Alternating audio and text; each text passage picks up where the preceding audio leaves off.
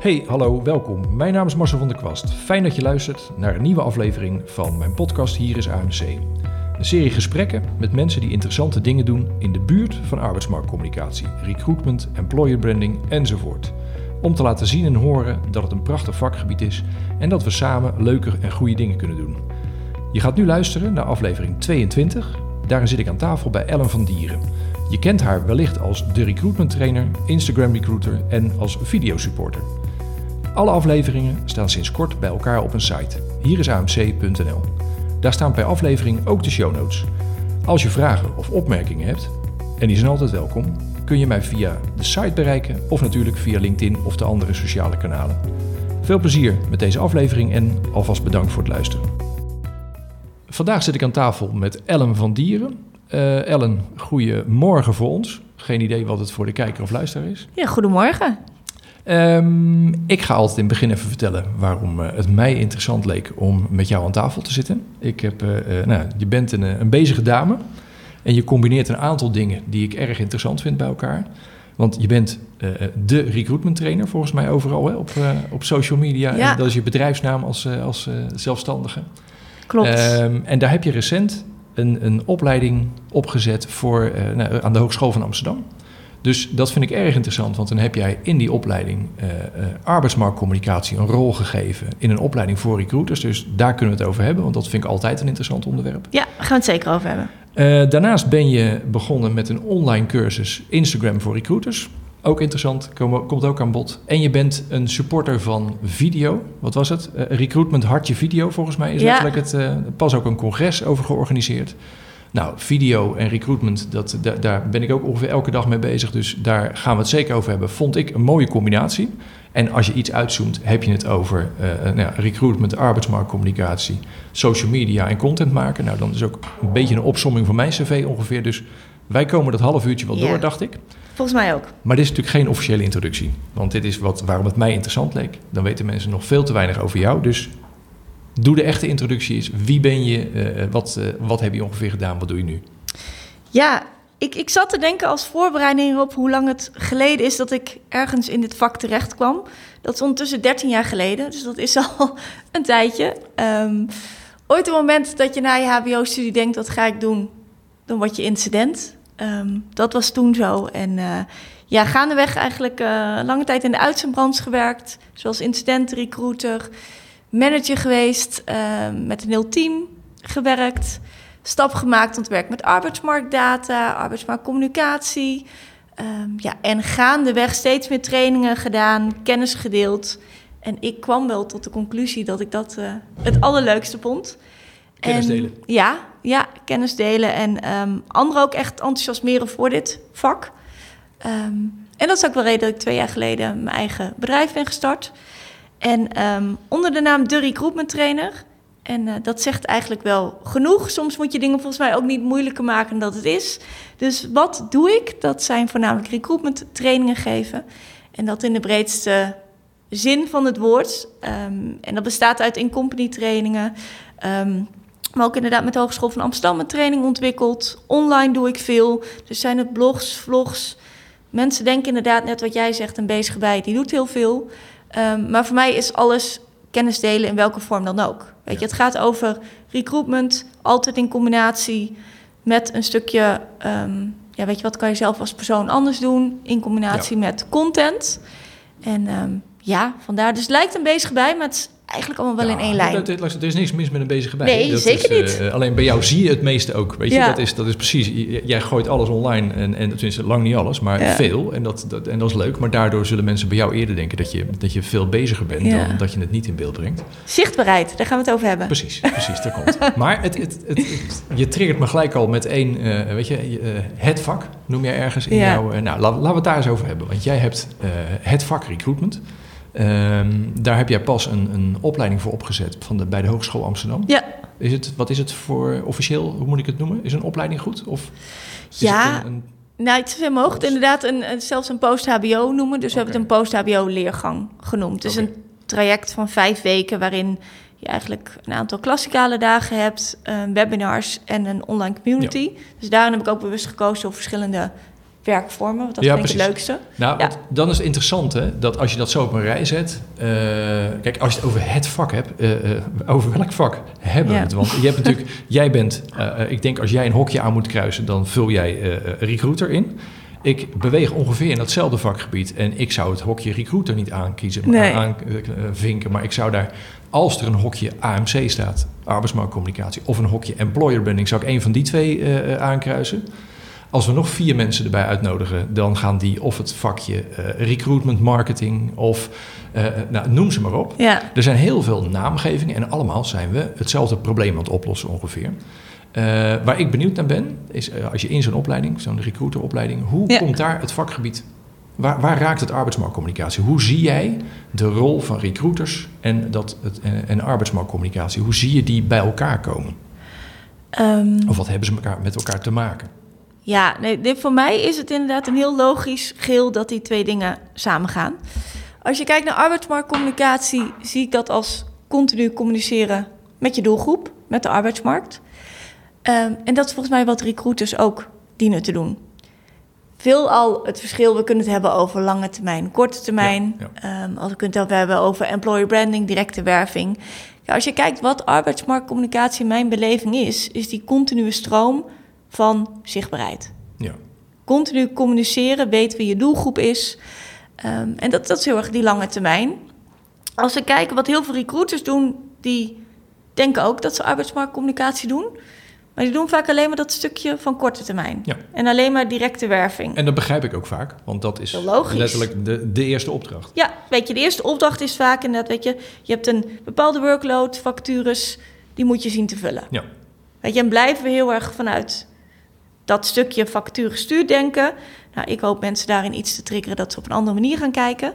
Ehm, maar daarin zit het wel, die directe werving. En wat wil je doen, is dat je content maakt, dat je gaat communiceren met het doel om mensen eigenlijk ander gedrag te vertonen. Ja. En dat gedrag is solliciteren. Dus wat wij doen is heel erg actiegericht mensen in beweging proberen te brengen met content, met communicatie wat we doen.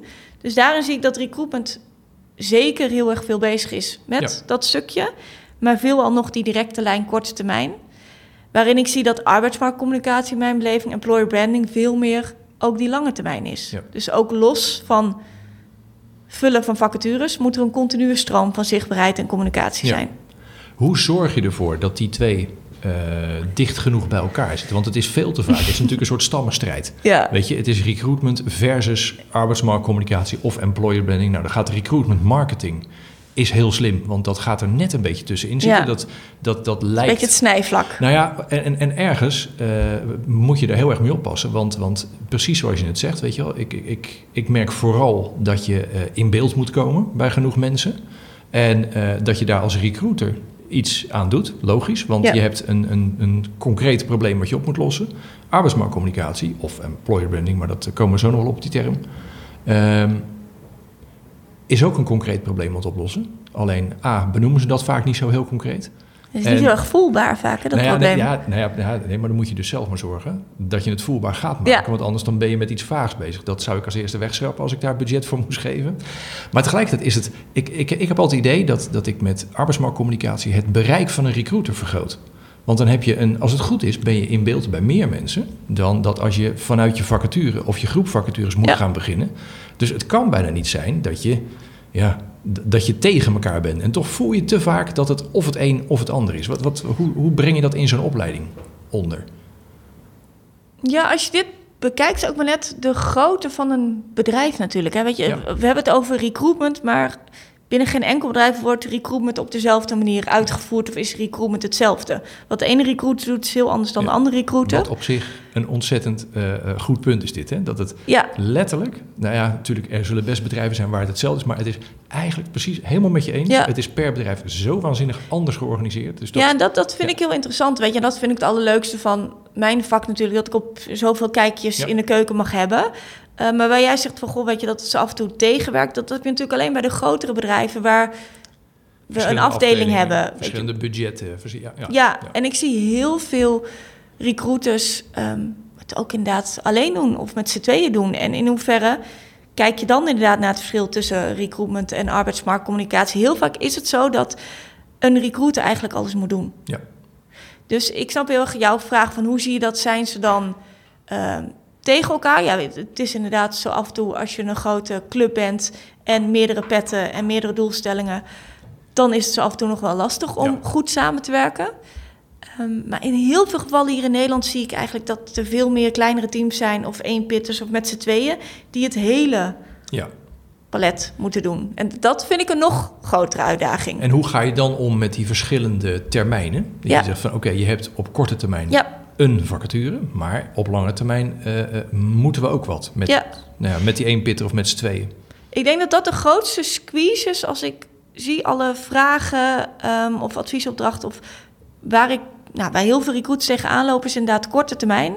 Weet je, dat, dat is het vullen. Dat zijn mijn KPI's waar ik op afgestuurd word. Maar lange termijn moet er ook iets gebeuren. Dus die squeeze is voor heel veel recruiters heel moeilijk. En daarin vind ik het meest interessante ook... wat ik altijd zeg, de managementcel die daarop los wordt gelaten... is het zo dat jij een recruiter nog steeds aanstuurt... op basis van vervullingspercentages... Uh, of bepaalde marges... Um, inderdaad uh, kosten per hire, time to hire. Het is heel logisch en ik ben voor KPI's, begrijp dat niet verkeerd. Maar gaan we nog steeds daarna kijken of kijken we naar de kwaliteit en kijken we ook naar een structurele stroom van zichtbaarheid? Heel veel recruits worden afgerekend en hebben eigenlijk alleen maar tijd voor dat korte termijn, dus dat geeft je voorkeur. En het stukje lange termijn, weet je, zichtbaarheid, employer branding, is iets wat ze altijd in een paar uurtjes naast moeten doen. Dus die mindset en op die manier naar kijken, probeer ik bij heel veel recruiters wel door te laten dringen. En dan is het ook, ja, wil je employer branding echt goed neerzetten? Weet je, arbeidsmarktcommunicatie lange termijn. Dat is ook heel vaak van recruit misschien een business case schrijven. Of inderdaad meer budget, of inderdaad meer FTE. Precies, Of van die andere kant, als je het hebt over de, de, niet de recruitment kant, maar de AMC of de employer brand kant. De business case daar dat is nog veel vaker het probleem. Want dan, dan is het uh, inderdaad op korte termijn is het vrij duidelijk verwoord. En is ook is de behoefte vrij duidelijk. Wij als AMC'ers, zeg ik dan maar even. Jij van recruiter, oh, wij van AMC. Maar, nee, maar, Scheidslijn voel ik hier inderdaad. Nee, we, zijn, absoluut, we zijn met hetzelfde bezig. Nee, maar vaak is die business case aan de, de, de nou, noem het maar de wat vagere kant. Ja. Dat is de eerste stap waar je mee moet beginnen. Maak dat vager maar tastbaar. Ja. En dan ga je ineens, als je een, een ja, nou goed, een, een KPI als aantal LinkedIn-volgers. Of de interactie met onze social-volgers. Ja, dat is een, een, een redelijk duidelijke uh, eh, KPI waar je heel erg het, het employer branding AMC-gedrag van een organisatie op kunt, nou ja, niet op kunt baseren, maar wat een van de meters is die je kunt gaan beïnvloeden. Ja. En dat, is, dat merk ik heel vaak, dat dat, ja, dat, dat, dat ligt er een beetje naast. Dat is eigenlijk, is dat van niemand? En dan is daar, daar ligt vaak nog een ontzettende kans om dat pak dat er maar bij. En dan zeg je van oké, dan gaan we ons daarop richten. Om daar op de iets langere termijn met mensen. En dan noem ik nu een voorbeeld. Weet je, het is niet dat het aantal volgers dat het heilig is. Nee. Maar het is wel een simpele in de categorie van oké, dat is, het is iets langere termijn dan de vacatures. Ja. En op langere termijn kan ik daar ineens uit putten. Want dat, eh, dat scheelt nogal. Ja, daar ben ik het volledig mee eens. Maar je ziet dat heel veel recruits wel de moeite hebben binnen een bedrijf. Ehm, of er inderdaad ook budget en tijd voor dergelijke dingen is. Weet je, er is een personeelstekort. We zoeken mensen. Heel concreet, weet je, dat je ziet dat er een enorme stroom van recruiters is. Weet je, die vraag die natuurlijk, weet je, hij is nu echt alweer stabiel, de vraag naar uh, recruitment. Dat tekent natuurlijk ook wel een beetje de markt. Um, maar de afgelopen jaren, de enorme toename, de vraag van recruits aantal vacatures, is dat mensen een wervingsprobleem hebben. Dus bedrijven hebben inderdaad letterlijk weet je, handen tekort of kennis tekort. En opeens is daar wel mogelijkheid om te groeien. Maar dan die stap om te zeggen: oké, moeten we nu echt kijken naar het aantal volgers? Of inderdaad, nou, als we het straks over Instagram hebben, over een engagement rate. Ja. Ja, het is natuurlijk best wel een lastige business case nou, dat om dat ergens over de bühne te brengen. Ja. Dus als ik dus kijk naar het, het, het vak recruitment aan de ene kant korttermijn vacatures vullen eigenlijk. En dat kunnen we op zoveel manieren doen. En in deze markt is dat een hele grote uitdaging. Maar in zo'n opleiding probeer ik dus ook die mindset te creëren van oké, weet je, wat voor lange termijn en hoe kan je daar langzaamaan wat ja. zaadjes planten, wat, wat dingen binnen je bedrijf in werking zetten. Dat er ook een stroom is van lange termijn zichtbaarheid en engagement met je nou, doelgroep. Het is natuurlijk ook inderdaad een beetje in de lange termijn, die breekt vanzelf aan. Want, ja. want het, het op korte termijn werven om het probleem weg te krijgen. De, de organisaties moeten sowieso structureler met hun arbeidsmarkt omgaan. Zeker.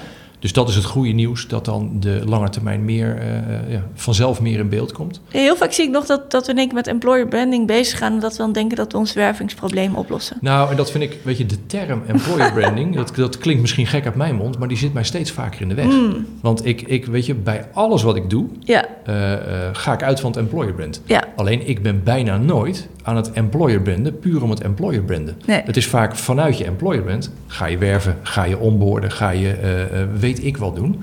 Eh, dus dat moet optellen naar hetzelfde verhaal. Maar je merkt te vaak dat mensen, oké, en als, alles, als alle problemen opgelost zijn, Ja. dan hebben we tijd en budget om te gaan employer branden. Ja, Ja, dat vind ik bijna, nou, ja, ik, wil- ik wil het woord ouderwets zo min mogelijk gebruiken, maar dat vind ik echt, weet je, dat is het echt niet meer. nee. Maar je Nee, merkt dat wel dat als je het hebt over employer branding, wat is het dan? Nou, dat is, dat is een ingewikkelder verhaal om uit te leggen. Maar Ja. dat, in ieder geval niet, eh, eh, je hebt en werving. En als we, eh, als we niet aan het werven zijn, dan zijn we aan het employer branden. Die, daar wil ik graag vanaf. Van die, maar goed, dat, Volledig, volledig mee eens, Marcel. oké.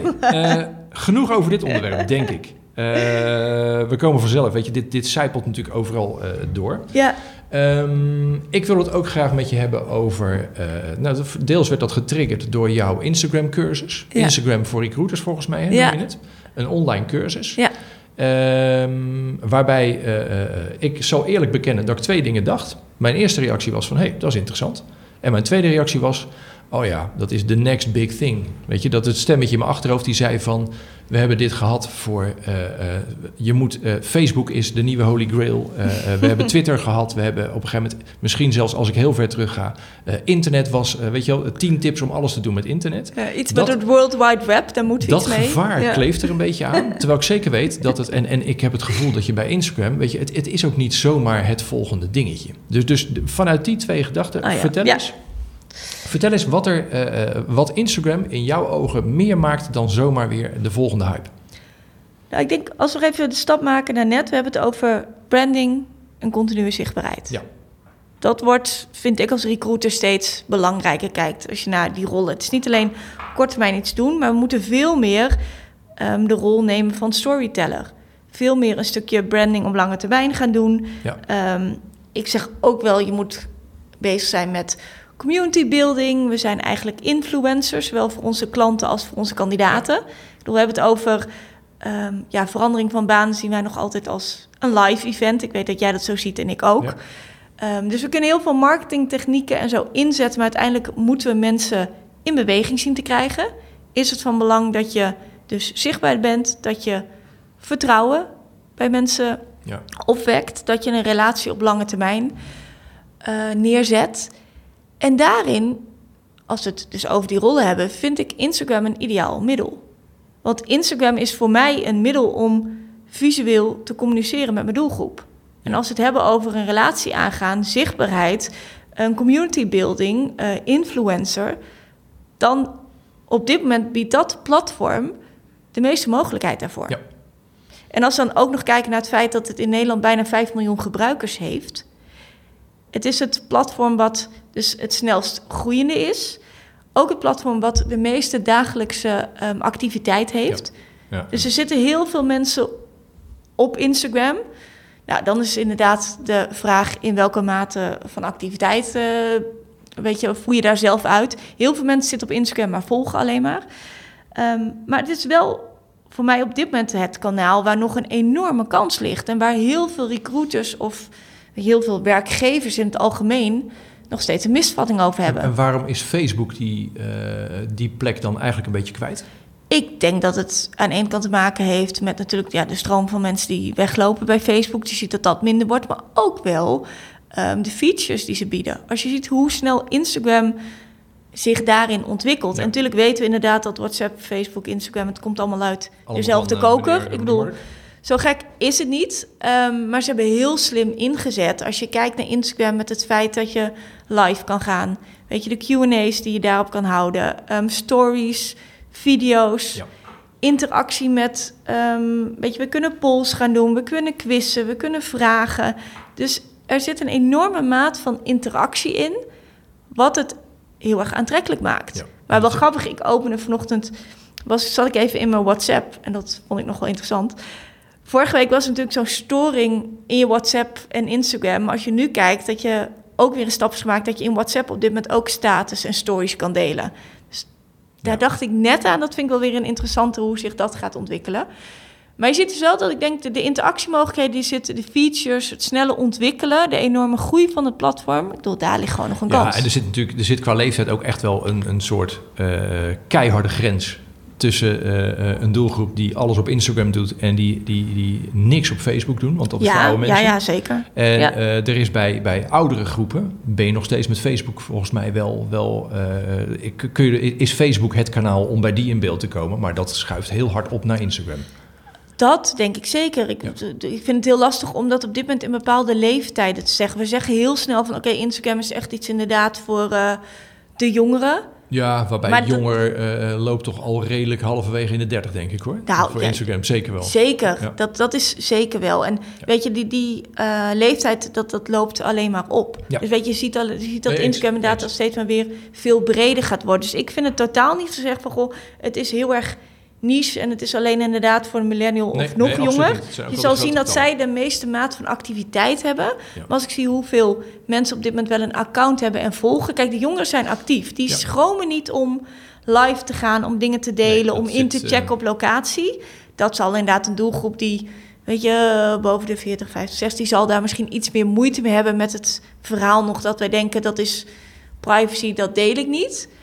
Maar ik zie wel dat er, en dat, dat zie je ook in alle onderzoeken, dat wel in die leeftijdsgroepen de accounts wel Ja. stijgen. Nou ja, precies. En het kijken, weet je, op het moment Dus het dat je- gaat om het kijken. Ja, maar dat het is, het. natuurlijk los, weet je, je, hebt het over features, over interactie, Ja. over eh, dat. Maar de, belangrijkste, dat, dat, en die heb je ook genoemd hoor. Dat- Mm. Maar het, weet je, het is natuurlijk, de basis is visueel.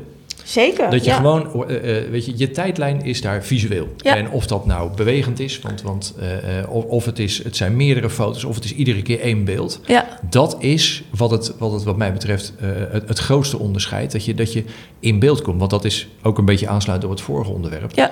Ehm, wij maken ons natuurlijk in het vak, in ons vak, in ons gezamenlijke vak, spelen de vacatureteksten een belangrijke rol. ja. Eh, alleen ik ken niemand die voor zijn lol vacatureteksten leest. Of die vrijwillig zegt van nou, ik ga eens een rondje vacatureteksten doen. Dus ik er wel, maar ja, maar Nee, ik- grapje. dat zijn vaak mensen die dat voor hun vak doen. De eerste die van, oké, wie er af en toe gewoon even lekker een rondje vacatureteksten gaat doen als hobby, die, ja. ja, nee, dat doe je niet en dat geeft niks. Want Nee. ik ga, eh, eh, maar waar het om gaat is in beeld komen als werkgever. Ja. Doe je dus met heel veel meer dan vacatureteksten. En dat, in Ja. dat hele spectrum biedt Instagram eh, de meeste mogelijkheden om visueel iets mee te doen. Ja, dat, dat is het zeker. En Weet je je hebt wel, het bereik, dus ja, dat- daarom. Weet je, het bereik zo groot. het- ik denk, weet je, bereik, interactie en visueel communiceren. Dat dat Ja. het meest belangrijk is. We hadden in het begin ook over. Goh, we gaan het hebben over Instagram en over video. Dat ik zei, dat Nou, is dat voor is ook mij heel logisch. Want dat is, bruggetje. Bij, nee, maar dat is beide visueel Ja. Communiceren. En, en daarin vind ik Instagram zo sterk, omdat het, weet je, authentiek, grootste buzzword. Ik gebruik het altijd, maar zo is het wel. Weet je, we zijn continu op zoek. Weet je, dat ben jij ook. Als jij ergens met Ja. AMC, employer branding, weet je, je bent op zoek naar echte verhalen, echte mensen. En daarin vind ik Instagram zo mooi. Dat ik dat, Ja. weet je, dat ga je niet met een acteur doen. Weet je, als ik mijn Instagram-account ga vullen, weet je, dan ga ik dat doen met mijn eigen mensen. Ja. En daarin is het laagdrempelig. Eh, het is een veel makkelijke manier. En het is ook inderdaad zowel voor binding. Als je kijkt naar Instagram-accounts, bijvoorbeeld als ze werken bij Albert Heijn. Ja. Dat is de meest toffe die er is. Ik bedoel, die jongens, die vakkenvullers, die mogen gewoon echt...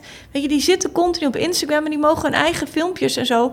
worden gewoon op zo'n landelijk account gezet. Dus als je het hebt over zowel ehm, het, het communiceren, maar ook het binden... Weet je, we zeggen ook employer branding, Ja, zulke nou ja, dingen. We zeggen, jij zegt dat ook, weet je, het is intern beginnen, extern winnen. Maar het gaat erom dat je natuurlijk dat ambassadeurschap creëert. En daar vind ik dat een prachtig Maar voorbeeld dat is, Oké, van. interessant, want dat is gelijk ook, ook eh, dat gaan we naadloos over op video. Want wat Mhm. je merkt, zowel voor Instagram zit ik, zit ik letterlijk zelf in discussies waarbij je zegt van hoe, eh, wat, wat mag je laten zien Ja. of wat niet. Jij Ja. noemt werken bij Albert Heijn, vind ik een mooi voorbeeld. Toevallig is mijn oudste dochter afgelopen zaterdag begonnen bij Albert Heijn. Dus Kijk, ik heb haar de tip gegeven over dat Instagram-account. Ja. Nou, daar heb ik weer punten mee gescoord Ja. als eh, oude vader die toch social media niet begrijpt, vinden zij. ik vind van wel. Ehm, jij kan veel leren van ze, denk ik. nou, zeker weten. Zeker weten. Eh, maar je hebt bijvoorbeeld ook, of het nou werken bij Achmea is, we zijn er zelf bij Werken voor Nederland ook wel eens Ja. mee begonnen. Om, laat maar zien. Doe maar Ja. gewoon, eh, eh, doe maar je werkweek in vijf plaatjes. Ja. En daarbij, wat ik erg lekker vind, is dat het niet alleen maar een plaatje is, maar ook even die één of twee regels erbij om het even te verduidelijken. Vind ik een heerlijk 1 tweetje. Zeker. En dat is ook laagdrempelig. Dat kan je ook vragen aan mensen. Tegelijkertijd heb je dan wel eens discussie met afdeling communicatie. Die zegt van ja, maar wacht even. Ik vind het, ik vind het te rommelig. Ja. Dit, is, dit is niet het merkbeeld wat wij uit willen dragen. Dat is een hele interessante discussie. Want aan de ene kant is het authentiek. En aan de andere kant is het... Nou ja, ik zeg, ja, weet je, het moet wel passen binnen Ja. het merk. Ik vind dat uiteindelijk, nou ja, je merk moet, is vooral, dat zijn die mensen. Dus Ja, zorg dan met je merk maar dat je, dat je dat omvat. Ja, dit is denk ik de grootste uitdaging. Zowel als ik het heb over video, weet je, of Instagram maakt niet, niet zoveel uit. Het gaat om visueel communiceren en met je eigen mensen. Ja, En daarin is de grootste uitdaging, wat ik altijd zeg, ga van het amateuristische. Dus we willen inderdaad niet dat het rommelig, amateuristisch, slecht opgenomen is. Ga naar authentiek. Die Mm. scheidslijn proberen we op te zoeken. Want inderdaad, communicatie Ja. wil dat het inderdaad een huisstijl is, dat het niet amateuristisch Ja, is, niet. moet bij ons passen. Maar hoe meer ik het ga regisseren, Nee, hoe meer corporate wordt, hoe ja minder geloofwaardig het is. Dus we moeten ergens op zoek van amateuristisch, tussen amateuristisch, corporate geregisseerd naar authentiek. Ja, ja Daar, je ziet, bij, je ziet ook vaak dat ze eh, een soort van branding erop willen loslaten. Hè? Dat, ze, zeker. dat je eh, alle foto's die geven dan een soort... Ja. Daar zetten we een stempeltje op van de orde. Dat ziet er heel vaak te reclamisch uit. Bed kwijt. Dat, Dat, dat is ook zo. Weet je, maar voor mij daarin, want dit is onderwerp wat ik veel bespreek. Wat, wat is de sleutel erin? Dat is voor mij vrijheid. En dat is vrijheid durven geven om je eigen mensen content te laten maken. En dat is een hele moeilijke. maar iedereen, weet je, ja. iedereen heeft kernwaarden als open, transparant, vrijheid, vertrouwen, samen. Nou, binnen elk bedrijf zijn dat kernwaarden. Weet je, en die kunnen op een site zetten, maar het gaat erom, leef jij dat? Ja. En ik geloof dat als we het hebben over employer branding, gaat het over mensen die dat brand leven. En dat zijn je eigen mensen. Ja. Dus wil je dit succesvol laten zijn, durf je dan om de vrijheid te geven aan je eigen mensen om dat te maken. En daarbij geloof ik dat je vanuit AMC recruitment moet faciliteren. juist. Nou, dat, dat- ik stond op het punt om die erbij te zeggen. Want het is aan de ene kant vrijheid geven. Precies. Aan de andere kant, als je ze er helemaal eh, aan hun lot overlaat... dan leg je te veel de drempel bij hun neer. En daarom is ook de rol van een communicatieafdeling... is veel meer faciliteren, Ja. helpen. Ik, ik zeg het al eens, weet je, je bent de beheerder van een podium. Ja. En jij zorgt ervoor. Op een podium kan je nog precies zorgen van, weet je, welk stukje je uitlicht. Ja. Maar de mensen die je op dat podium een plek geeft, die moet je zoveel mogelijk helpen. En dat zit hem echt heel plat in eh, beschikbaar stellen van materiaal. Of, of Ja, ze- dat faciliteren kan op verschillende manieren. Kijk, je kan inderdaad zeggen aan de ene kant eh, is het heel fijn om, om echt een format in te laten vullen. Ja. Weet je, als je kijkt de week van of een dag bij of een takeover of de vacature van. Het is, laat ze niet te los. Precies, dus geef ze wel precies. ergens een format, maar geen script. Dus het is een, een formatgever waarin ze kunnen werken. Vervolgens kijken, hebben zij de juiste materialen? Ja. Dus is dat inderdaad, zijn dat ook simpele dingen als een goede, nou, simpel, goede smartphone, even een microfoontje. En is dan, je kan ze ook zeggen, ik ga ze een cursus vloggen geven. Ja, ja, precies, vloggen heeft ook weer een bepaald Nou, en, en imago, maar het gaat mij erom, snappen zij licht, geluid, lengte, filmpjes, gewoon die basics. Dus ik geloof als je mensen faciliteert in formats, ehm, materialen en ze de basics meegeven hoe zij zelf kunnen acteren voor een ja, en camera. ook, en ook hun part of the deal. Hè? Van waarom zou ik dat doen? Ja. Weet je, ik ben misschien wel enthousiast over het bedrijf waar ik werk. Maar ik, word, ik ben druk met mijn eigen baan. Ja. Dus, dus waarom ga ik nu tijd investeren in die beelden? Eh, ik, ik vind een, een soort no-brainer is ook dat als je eh, los van de foto's die ze zelf aanleveren, dan regel je als organisatie een goede fotograaf die een keer langskomt voor, een, eh, eh, voor, voor één of twee goede portretfoto's. Ja. En dan kunnen ze die, eh, zolang als ze willen, gebruiken op al hun social accounts enzovoort. Zeker. En dan heb je ineens, als, als een soort eh, nou ja, part of the deal, heb je gewoon een goede professionele foto van jezelf. Ja, dat is ook iets, dat, dat, dat is een manier om je mensen op die manier voor je aan het werk te krijgen. Ja. En dat, dat zijn vaak van die hele eenvoudige dingen. Maar dat is, dat is interessant, want we hebben het nu, of het gaat over beelden op Instagram of video maken. We hebben, we hebben het ook al over die video. En heel erg de achterkant, het organiseren ervan. Ja.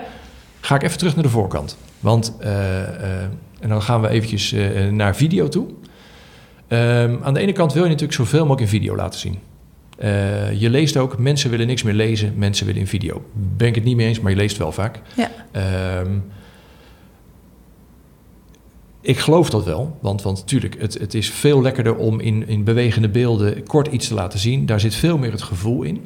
Alleen, ik zie ook heel, heel veel slechte video's. En Ja. eh, slechte video's, die gaan mensen nooit eh, leuk vinden of daar gaan ze nooit aan kijken. Want Nee, als jij zeven seconden hebt om eh, iemand voor je te winnen in het voorbijscrollen van de tijdlijn. En dat is al- zeven seconden is al veel, hè? nou, laat ik zo zeggen. Ik zeggen. Zorg eerst maar eens dat ze je zeven seconden versie gaan bekijken. Maar het eerste beeld moet raak zijn. Ja. En dan, als het gaat spelen, moeten ze ook niet gelijk weg zijn. Nee, Dan, weet je, dan is authentiek. En laat je mensen maar aan de slag gaan. Ja. Is eigenlijk, eh, een, dat is een stap te ver. Je moet ze eerst naar het authentieke toe weten te trekken. Als je nou, eh, eh, nou, ja, nou, nee, nee, die vraag ga ik straks stellen. Vertel jij eerst eens, als je zegt van, van video, weet je, Ja. jullie hebben een congres gedaan over video. ja. Hoe, nou ja, die rol van, van nou, noem het maar, in de tijdlijn bij mensen in beeld komen en die naar een video toe weten te trekken, hoe, hoe kijk je daar tegenaan? Want dan richt je dus echt op het, het stukje... ehm, als we hebben over eh, het zichtbaar zijn Ja, met video. in Dus- beeld Dus, mensen inderdaad... Ja, eh, ja, Ja, dus, Niet, dus niet de, de... Kijk, verderop, als je dieper Ja. de funnel ingaat, is Ja. video ook waanzinnig interessant. Ik wou zeggen, want ik ben En wel echt makkelijk. voorstander van zoveel mogelijk in alle momenten Ja. van het proces video. En dan kan je eigenlijk alleen nog maar meer verrassen. Ja. Kijk, we zien dat we aan de voorkant, dat is waar mensen het snelst nu in investeren. En daardoor krijg je die wildgroei aan video's Ja. online. Weet je, we willen inderdaad zichtbaar zijn. Eh, we willen een gevoel overbrengen, we willen een cultuur overbrengen. Nou, dat vinden we met woorden moeilijk, dus dat kunnen we visueel beter. Ehm, maar wat je inderdaad ziet, dat je die wildgroei aan video's ziet en dat je heel veel slechte video's ziet. Dat is denk ik een beetje de wereld waar we in Ja. leven.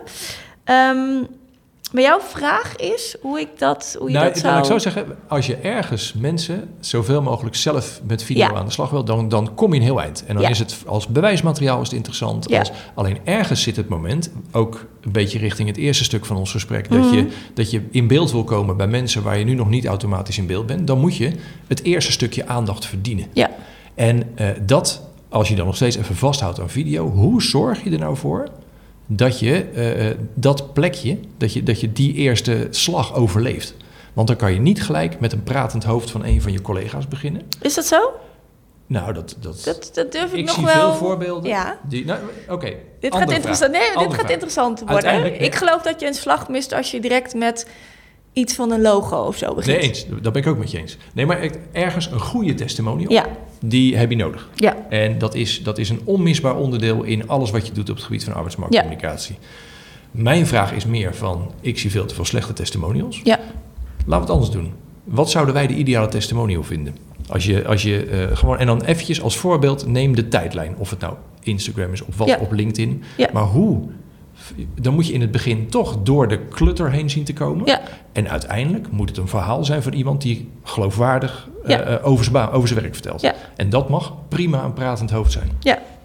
Maar hoe overleef je die eerste, de eerste slag, zeg maar? Nou, wat je daarin ziet, wat, wat jij ook zegt over dat, dat pratende hoofd. Kijk, ik geloof wel dat mensen slaan aan op mensen. Dus Ja. wat ik zie, bijvoorbeeld als ik inderdaad zelf video's maak online, weet je, dan doe ik dat direct met een shot van mezelf dichtbij. Ja. En ik zie wel dat mensen daar dus ook wel op aanslaan. Ik vind niet gezegd dat je in een testimonial daar niet mee zou kunnen beginnen. Maar het gaat wel om ook even de entourage daaromheen. Kijk, Ja. ik zou zeggen, zorg er wel voor dat je direct inderdaad de persoon in beeld hebt. Dat ik weet dat hij direct een hoofdrolspeler Ja, is. Dat ik een eens. connectie kan maken met een mens. Maar zorg ook wel dat ik een goede impressie heb van daar waar iemand is. Dus zeg maar tegen een kale muur en alleen een hoofd geloof ik niet. Hoi, ik Maar ga ik jou geloof- vertellen over mijn werk als puntje. Precies. puntje. Kijk, ik geloof wel in het feit dat ik als ik een goed shot neem, waar ik ook enigszins een impressie heb van de werkvloer, weet je, en daar direct dan wel inderdaad dat pratende hoofd op, Ja. geloof ik wel dat dat een trigger kan zijn. Ehm, maar het gaat natuurlijk ook om waar begin je mee? Want dat is met een vacaturetekst precies hetzelfde. Hè? Ja. Als ik begin met het een vacature is met, met wij zijn op zoek naar. Ik bedoel, dan ben je inderdaad verloren. Maar als ik zou beginnen met een quote van de medewerker of een trigger of en daarin geloof ik dat video's goed werken en testimonials ook als jij je doelgroep snapt. Ja. Weet je, wij weten dat je continu moet je op zoek gaan naar poolfactoren, triggers voor jouw doelgroep. Dus als ik inderdaad een testimonial zou maken over, ehm, weet ik veel, iemand. eh, Ja, welke beroep zullen we eens doen? Maakt me niet zoveel uit. Informatiearchitect bij de provincie Zuid-Holland. Zo. Dat is een, dat is een lekkere, inderdaad. Nee, nee, nou, nou, ik, eh, eh, maar ik hou hem vast. Want Ja, ja. Ik, ik, ik ben het met je eens. Alleen ergens in dat begin, daar zit voor mij zit daar de trigger om... eh, iemand moet interessant voor mij zijn. Ja, Weet je, voordat ik naar iemand zijn verhaal ga luisteren. En dan is, zoals jij terecht zegt, een pratend... eh, een hoofd voor een witte muur is niet voldoende. nee. Ergens zit daar ook, in, als je het nou hebt over... eh, iemand kan vertellen over zijn baan. Mhm. Maar die baan is bij een organisatie. En die Ja. organisatie doet ook iets met z'n allen. Ja. Wat ik, eh, en ik, ik, ik, ik zit heel hard te denken en eh, ik durf bijna niet te zeggen wie het is, want ik ben bang dat ik, de het verkeerde bedrijf zet. Maar ik beloof dat ik hem erbij plak in het artikel. Volgens mij is Boskalis. Ja. Die hebben eh, testimonials gemaakt. En daar wordt in de eerste zeven seconden, zie je gelijk wat die persoon doet, wat Ja. het project is en waar het project toe leidt. Dan is het echt letterlijk, eh, eh, de Rotterdamse haven moet uitgediept worden, anders verliezen ze positie. Mhm. Wij regelen dit en ik ben Ja. projectleider. Dat vind ik een mooi voorbeeld van hoe je in het begin eventjes letterlijk de setting Ja. duidelijk maakt. En dan, dan vervolgens ben ik helemaal getriggerd en zeg ik van, man, wat leuk, vertel me wat je doet. Ja, En die, dat vind ik een interessante van, maar dan begin je toch bijna met, met een soort van, het is niet branding, want dat is ook hoe het eruit ziet, Mhm. maar dat is het format. En ik denk dat je je mensen en ook je bereik, de mensen die, die, waarbij je in beeld komt, die help je heel erg met het format. Dat je maar dat zegt, geloof ik zeker. Kijk, wat jij nu benoemt is eigenlijk direct welke impact kan ik maken. Weet je, we Ja. staan hier, weet je, we staan nu hier, we moeten daar naartoe, daar hebben we jou voor nodig. waar leidt dat verhaal, precies, Ja. dat is heel erg belangrijk. Maar dan gaat het wel om het feit, we hebben het over testimonials en dat zijn referenties die op een werkbij site staan. Of zijn dat ook, kijk, ook Ja, dit vind eens, ik van belang. Video maak ik op basis van welk kanaal het komt. Kijk, Ja. ik geloof niet. Hierin, als jij zegt, ik geloof dat dit een, heel, een hele mooie testimonial is die op een werkbij site staat. Maar ik vraag me af, als ik in mijn tijdlijn zit te scrollen en ik zie dan inderdaad een project voorbij komen, zal ik niet mijn aandacht trekken. Maar waarom niet?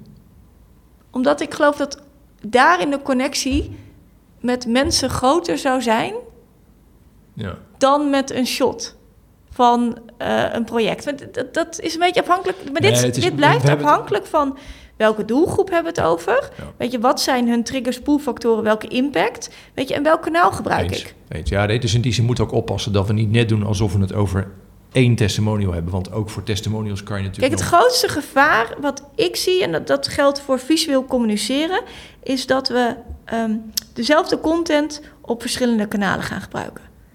Ja, Dus dan maak ik inderdaad een testimonial, die zet ik, als die onder een vacature staat, weet je, dan- is de kans groot dat iemand al op die vacaturepagina is, weet je, en dat er enigszins, dat hij verder in die, dat hij al meerdere touchpoints heeft gehad voordat hij daar komt. ja. Weet je, wil ik iets heel standalone gaan plaatsen en gesponsord op eh, Instagram gaan doen, is die kans heel groot dat een eerste touchpoint zou zijn. En daar moet je over nadenken dat je Ja, het precies. niet. En daar zie ik de grootste fout. Dat je met dezelfde content, zijn dat foto's van je website, is dat iets op Instagram, is dat iets wat je. Waardoor het eigenlijk allemaal net niet is. Ja. En dan zie je gewoon, ja, eens, eens. En dan Dus we het, denken heel goed, als je werkt met video, en dat is ook wel een van de grootste tips.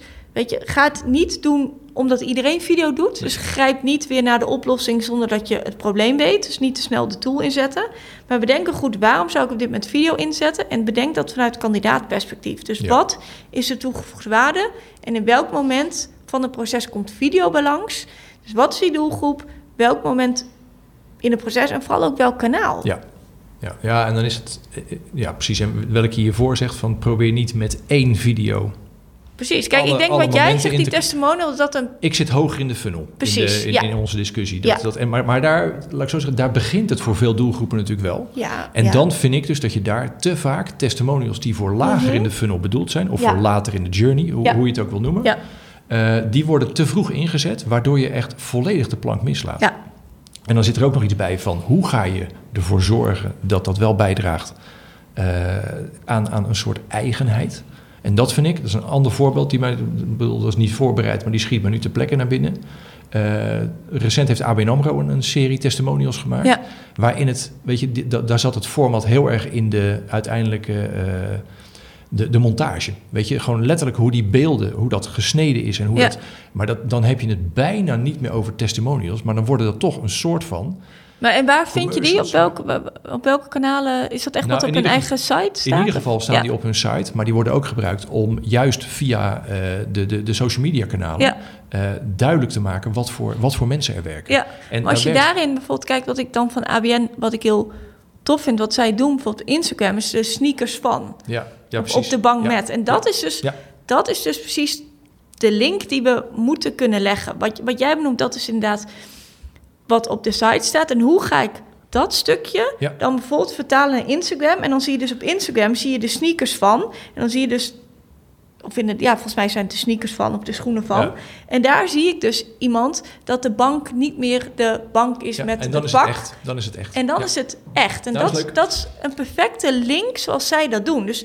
En op Instagram Achmea, wordt het een visual. Wij werken bij Achmea, kwamen ook ineens foto's van iemand die op gele sneakers was die dag. En dan zie je ineens een foto staan van gele sneakers. En dan kan je hele discussies hebben van, wat zegt dit over werken bij Achmea? Ja, Ja. stiekem ontzettend veel, Ja. vooral omdat het een echt verhaal is. Dus, En dat is voor mooi. een, voor een bank ook heel mooi. Weet je, dan, dan zie je dus dat verhaal van op de bank met. Weet je, elke keer dat vaste Ja. format. Hè? Het gaat werken op het moment dat je herkenbaar bent, frequentie, vast format. Het liefst ja, vast En, gezicht en zou wat ik daaruit haal, is dat je dan... ehm en deze aflevering wordt niet gesponsord door ABN AMRO. dat, eh, maar, maar aan de andere kant, we komen er spontaan. Hadden we niet eens voorbesproken dit. Maar wat ik wel leuk daaraan vind, is dat je dus je eigen mensen op die manier in beeld brengt. Ja. Maar dat je ze enorm helpt. En het plan van de afdeling communicatie, maar dat, dat moeten we even navragen bij Maarten, eh, is om met al die verschillende formats Ja. in beeld te brengen wat je als bredere communicatiedoelstelling Ja. hebt. En daar formats voor benoemen en dan inderdaad zeggen van die formats, daarvan maken we er niet zoveel, want die zijn duur om te maken en Mhm. daarmee hebben we wel meer aandacht. Ja. En voor de rest ga je onderin de funnel of later in de journey. Ja. Kan het veel meer wel dat pratende hoofd zijn tegen, nou het liefst niet, maar zelfs een witte muur zou kunnen. Ja. Want dan gaat het namelijk over het verhaal van die persoon. Ja. Oké, eens. jeetje, dit klinkt bijna als een soort wrap-up. Als ik naar de tijd kijk, moet dat ook ongeveer wel, want we lopen aardig in de tijd. Dus die, die, eh, maar, maar dat is wel leuk, want wat we van tevoren wilden met dit, eh, dit blokje video was eigenlijk onze, onze ideale testimonial Ja. eh, schetsen. Nou, die vraag is niet letterlijk op tafel gekomen, maar ik denk dat we stiekem wel daar de ingrediënten voor benoemd hebben. En Ja. vooral, denk nou niet in één testimonial.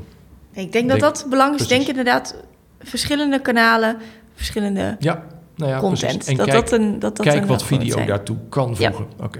Ja. Hartstikke mooi. Dat is een, een soort natuurlijke break. Eh, eh, ga ik gelijk gebruiken, want die, eh, als timekeeper moet ik nu ingrijpen. nee, dit is, we kunnen hier eindeloos over doorgaan, maar daar zit niemand op te wachten. Ehm, als mensen meer willen weten, horen we het vanzelf. Als een soort afronding, hè? want Ja. heel veel format heb ik hier niet in. Behalve dat ik je aan het eind altijd een vraag stel.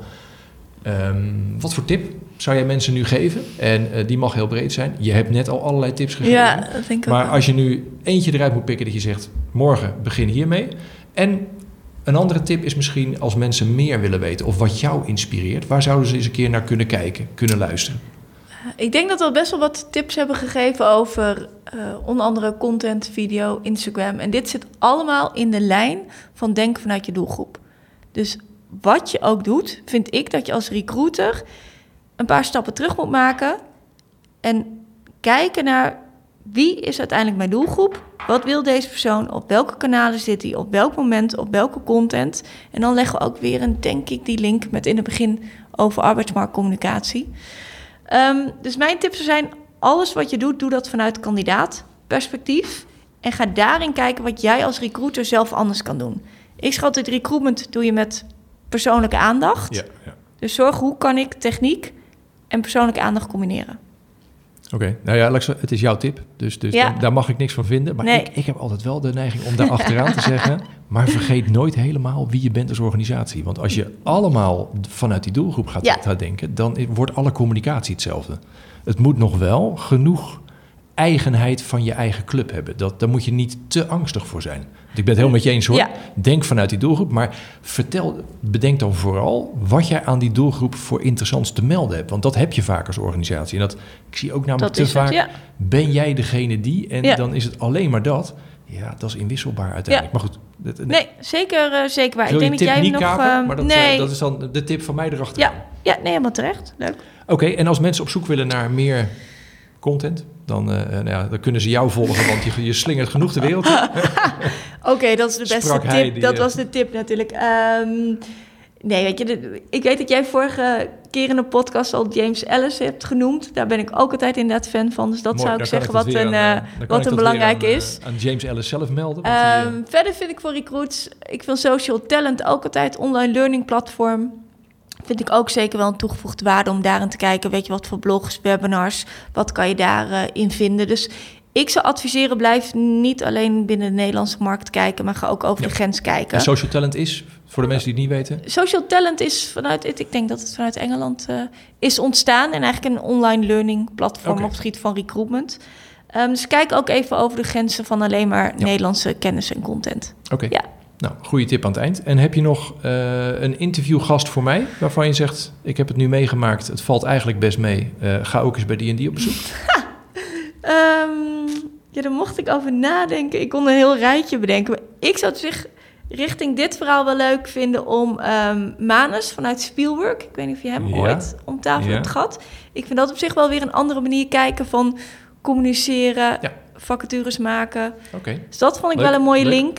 Ehm, verder Isabel Rijsterborg van eh, Randstad had ik laatst zien spreken eh, bij Video Now. Dus die heeft het heel erg over, ehm, is corporate recruiter, campus recruiter bij Randstad... en is bezig met het werven van trainees. Hoe zij onder andere video inzet en dat echt vanuit de doelgroep doet. Ehm, en volgens mij is Nicole Tadema ook nog nooit bij Ja. jou hier geweest, nee, hè? Nee, nee, nee. Dus ik wil zeggen, ik kan een heel rijtje maken, Ja, maar... nou, dankjewel daarvoor, want je hebt alweer drie goede namen. Eh, je vergroot mijn probleem daar wel een beetje mee, want ik heb een Hmm. lijst die lang is en iedereen komt met goede tips. Oh ja, dat zal. Alleen, ik, ja, weet je, ik maak er niet zo heel veel per jaar, dus ik, ik, Ja. ik beloof je dat ik ze op de lijst zet, want ik vind het, eh, de, de namen zijn interessant. Ik kan je niet beloven eh, wanneer ze aan de beurt komen, want eh, ja, ik, ik, ik maakte dit jaar acht en ik heb een lijst van, van die langer is, laat ik het zo Ja. zeggen. Maar ik vind het zonder meer alleen al leuk om, om te horen welke kant je me opstuurt, want Ja. dat, is, eh, dat, dat is alleen al interessant. Dus Leuk. dank daarvoor.